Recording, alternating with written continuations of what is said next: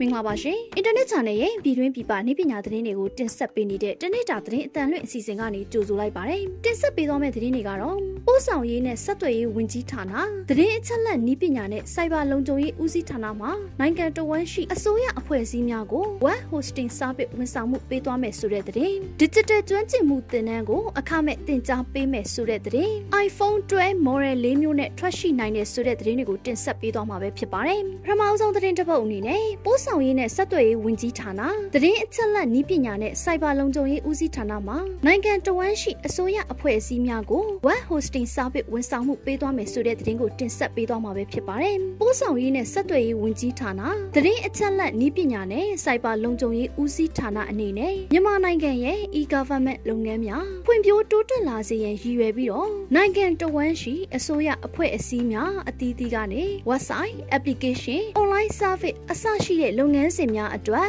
တက်တာသောဝန်ဆောင်ခနှုံးထားတွေနဲ့အစိုးရအဖွဲ့အစည်းတွေကိုဝန်ဆောင်မှုပေးသွားမယ်လို့မြန်မာ National Portal ကနေထုတ်ပြန်ချက်အရသိရပါတယ်။နိုင်ငံတော်ဝန်ရှိအစိုးရအဖွဲ့အစည်းများအသီးသီးမှာ website application online service အစရှိတဲ့လုပ်ငန်းစဉ်တွေအတွက်လိုအပ်တဲ့ data center များတိစောက်ရန်နဲ့စက်ပစ္စည်းများဝယ်ယူတက်ဆင်ရန်မလိုအပ်တော့ဘဲနဲ့ e-government data center တွေ hosting လာရောက်ထားရှိနိုင်ရန်အတွက်စီစဉ်ဆောင်ရွက်ခဲ့ပြီးချိန်မှာဒီအစီအစဉ်ကိုစတင်ဆောင်ရွက်ခဲ့တာပဲဖြစ်ပါတယ်။အစိုးရဌာနတွေအနေနဲ့အခုလို web hosting လာရောက်ထားရှိခြင်းအပြင် website များလွှင့်တင်ရမှာ၎င်း online service တွေဝန်ဆောင်မှုပေးရမှာ၎င်းအသုံးပြုရန်လိုအပ်တဲ့ hardware တွေဥပမာ server, switch, firewall နဲ့ network accessory အစရှိတဲ့စက်ပစ္စည်းများကိုဝယ်ယူတက်ဆင်ရန်မလိုအပ်တော့တဲ့အတွက်ရန်ပုံငွေသုံးစွဲမှုရှော့ချနိုင်ခြင်းအချိန်တိုအတွင်းလျင်မြန်စွာအသုံးပြုနိုင်ခြင်းနဲ့သတင်းအချက်အလက်တွေကိုလုံခြုံစိတ်ချစွာသိသိထားရှိနိုင်ခြင်းစတဲ့အကျိုးကျေးဇူးများစွာရရှိနိုင်မှာဖြစ်ကြောင်းထုတ်ပြန်ချက်မှာပါဝင်ပါတယ်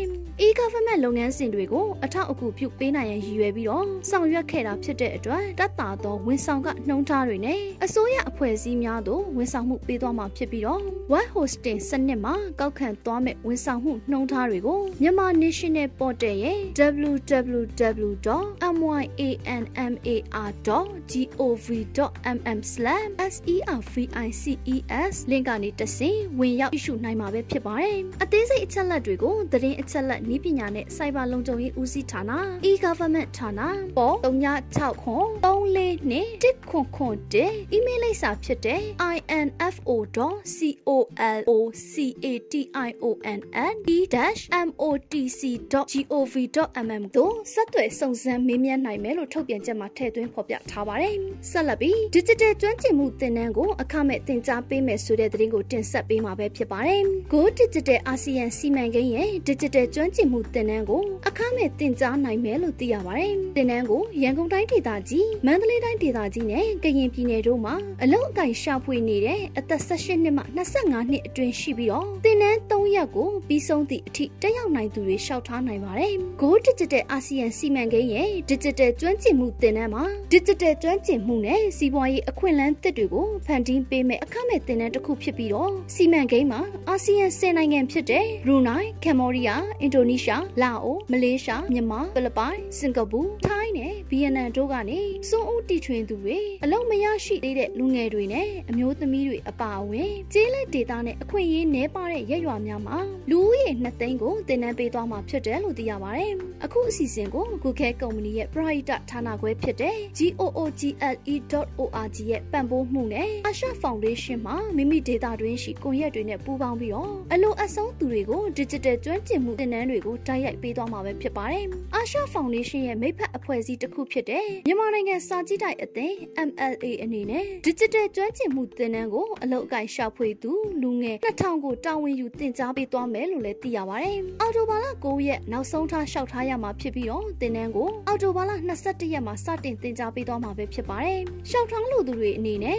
www.forims.gle/juhdc tcwyjamda5dh မှာသင်လျှောက်ထားရမှာဖြစ်ပြီးတော့အသသေးစိတ်ကိုဖုန်း39 254 833ခွန်ခွန်39အီးမေးလ်လိပ်စာဖြစ်တဲ့ saibonE.my8075@gmail.com နဲ့ဖုန်း39 453962ခွန်226ကိုဆက်သွယ်စုံစမ်းမေးမြန်းနိုင်ပါတယ်။နောက်ဆုံးသတင်းတစ်ပုဒ်အနေနဲ့ iPhone 12 model ၄မျိုးနဲ့ထွက်ရှိနိုင်တဲ့ဆိုတဲ့သတင်းကိုတင်ဆက်ပေးသွားမှာပဲဖြစ်ပါတယ်။ iPhone 12ကတော့ model ၄မျိုးနဲ့ထွက်လာမယ်လို့သိရပါတယ်။ iPhone 12ဟာဈေးနှုန်းလဲကွာခြားနိုင်ပါတယ်။ iPhone 12 mini ဈေးနှုန်းကတော့649ဒေါ်လာကျသင့်ပြီးတော့ iPhone 12 Pro Max ကတော့ဒေါ်လာ1399အထိကျသင့်ပါမယ်။ iPhone 12 model တစ်ခုစီအတွက် memory ကိုတော့64 128 256 GB ဆိုပြီးတော့ထုတ်လုပ်သွားပါမယ်။ဈေးနှုန်းမြင့်မားတဲ့ iPhone 12ဖုန်းအတွက်128 256 512 GB version တွေထုတ်လုပ်ပါမယ်။ iPhone 12 mini မျက်နှာပြင်အရွယ်အစားကတော့9.4လက်မဖြစ်ပြီးတော့ဒေါ်လာ